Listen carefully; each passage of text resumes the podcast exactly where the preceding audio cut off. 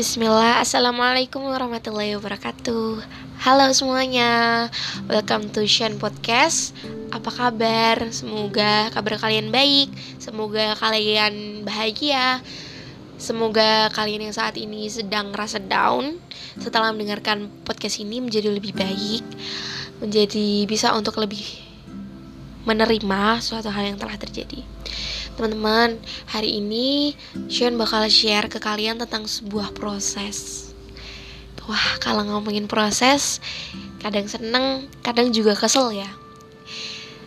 Ada satu quotes yang Sean pegang sampai saat ini, yaitu mari mencoba, mari berproses, tak usah berlari, perlahanlah, agar jika terjatuh, lukanya tidak terlalu sakit maknanya dalam nggak sih teman-teman? Kita untuk melakukan suatu hal kita mungkin takut ya. Apalagi suatu hal itu yang keluar banget dari comfort zone-nya kita. Kita takut untuk melakukan suatu hal itu. Banyak kekhawatiran dalam diri kita tentang suatu hal. Entah tidak disukain orang entah hasilnya buruk entah tidak pede atau apa pun Sebenarnya menciptakan takut itu adalah diri kita sendiri. Sebab apa? Sebab keyakinan di dalam diri itu tidak kuat. Maka ayo mulai sekarang kita kuatkan hati kita. Kita bisa menguatkan orang lain. Ayo semangat kamu. Ayo kamu pasti bisa. Tapi gimana dengan kamu? Apakah kamu sudah menjadi seperti itu untuk dirimu sendiri? Teman-teman, kita boleh peduli sama orang lain. Tapi yang harus benar-benar kita peduli ini tuh adalah diri kita sendiri. Kita yang tahu diri kita sendiri kita yang mengendalikan diri kita sendiri harusnya kita harus bisa untuk mengendalikan diri kita. Ayo berproses lah ini tuh memang gak gampang ini tuh emang gak semulus jalan tol. Tapi percayalah setelah kesulitan itu pasti akan ke, ada kemudian kemudahan. Serimpet maaf. Lanjut ya. Setelah ada kesulitan itu pasti ada kok kemudahan. Nggak perlu takut dengan suatu hal yang terjadi. Sebab jalan kehidupan kita itu sudah diatur sama Allah. Alurnya gimana itu Allah sudah ngatur. Kita cuma tinggal menjalani saja. Berjalan berproses dalam hal itu. Oke? okay? Mungkin proses kita nggak sama sama orang lain. Hasilnya pun gak sama dengan orang lain. Mungkin juga ada yang prosesnya sama tapi hasilnya kok beda? Kok dia bisa? Kok dia lebih baik dan aku enggak? Teman-teman sebenarnya proses orang-orang itu berbeda. Mungkin emang ya dikatakan itu sama tapi kita tidak tahu apa yang dia lakuin ketika berada di balik layar mungkin yang kita tahu dia ya udah dia nggak pernah belajar lah. Kerjaannya cuma ngobrol lah kalau di kelas. Tapi bagaimana jika dia di rumah? Dia ternyata diam-diam dia ngerekam suara gurunya bisa. Dia nulis ketika gurunya itu menjelaskan menulis materinya mengulang lebih rajin yang kita kira dan akhirnya dia dapat hasil yang baik. Kita tidak tahu proses orang lain di balik layar. Jadi kita tidak bisa membandingkan proses kita dan pencapaian kita dengan seseorang. Mana sih yang lebih hebat dari kamu? Mana sih yang hebat? Tidak bisa kita bandingkan itu. Karena kamu itu tidak tahu proses mereka di, di balik layar itu. Kadang dalam proses kita ngerasa kesel banget.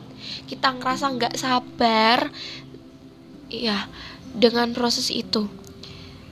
Diri ini tuh sering ngebandingin diri sering takut. Tapi gini teman-teman. Rata-rata teman-teman yang denger tuh umur umur masih muda kan ya? 20, 21, 22 atau mungkin ada yang 19, 18 gitu ya teman-teman kita tuh masih muda, we are still young. Jadi kita punya banyak kesempatan, kita punya banyak peluang, kita masih punya banyak pencapaian. Kita habiskan jatah gagal kita dulu. Kita coba banyak hal baru.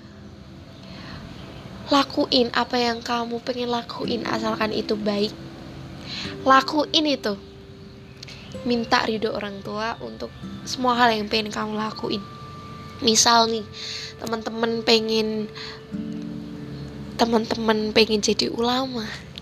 Teman-teman bilang sama ibu sama bapak bu pak saya pengen jadi pengen jadi ahli agama pengen jadi ulama biar nanti bisa uh, nyampain kebaikan nyampain kebenaran biar aku bisa ngasih manfaat kepada banyak orang gitu. Nah tolong doanya nggih Pak Bu. Tolong ridonya ya. Karena gini doa yang paling ijabah itu adalah doa orang tua kan teman-teman. Jadi lakuin sesuatu yang pengen kita lakuin tapi kita harus tetap minta sama bapak ibu untuk mendoakan kita. Kita minta ridho mereka. Sebab ridho Allah itu tergantung sama ridho orang tua. Atau kebalik ya? Ridho orang tua. Ya pokoknya kalau orang tua kita kalau Allah itu ridho sama apa yang kita lakuin pasti orang orang tua ridho. Eh, enggak sih.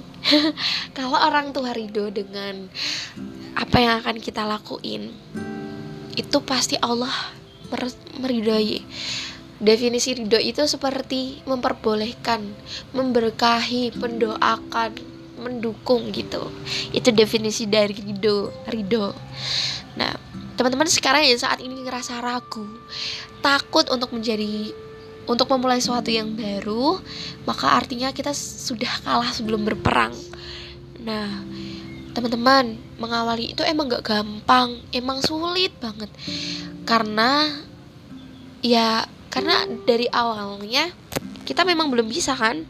Jadi kita belajar dari proses gagal itu. Belajar untuk menjadikan proses gagal itu menjadi proses belajar yang baik hingga kemudian nanti kita bisa sukses. Kalau kamu udah belajar bertahun-tahun tapi belum sukses juga tenang. Masih banyak waktunya kamu.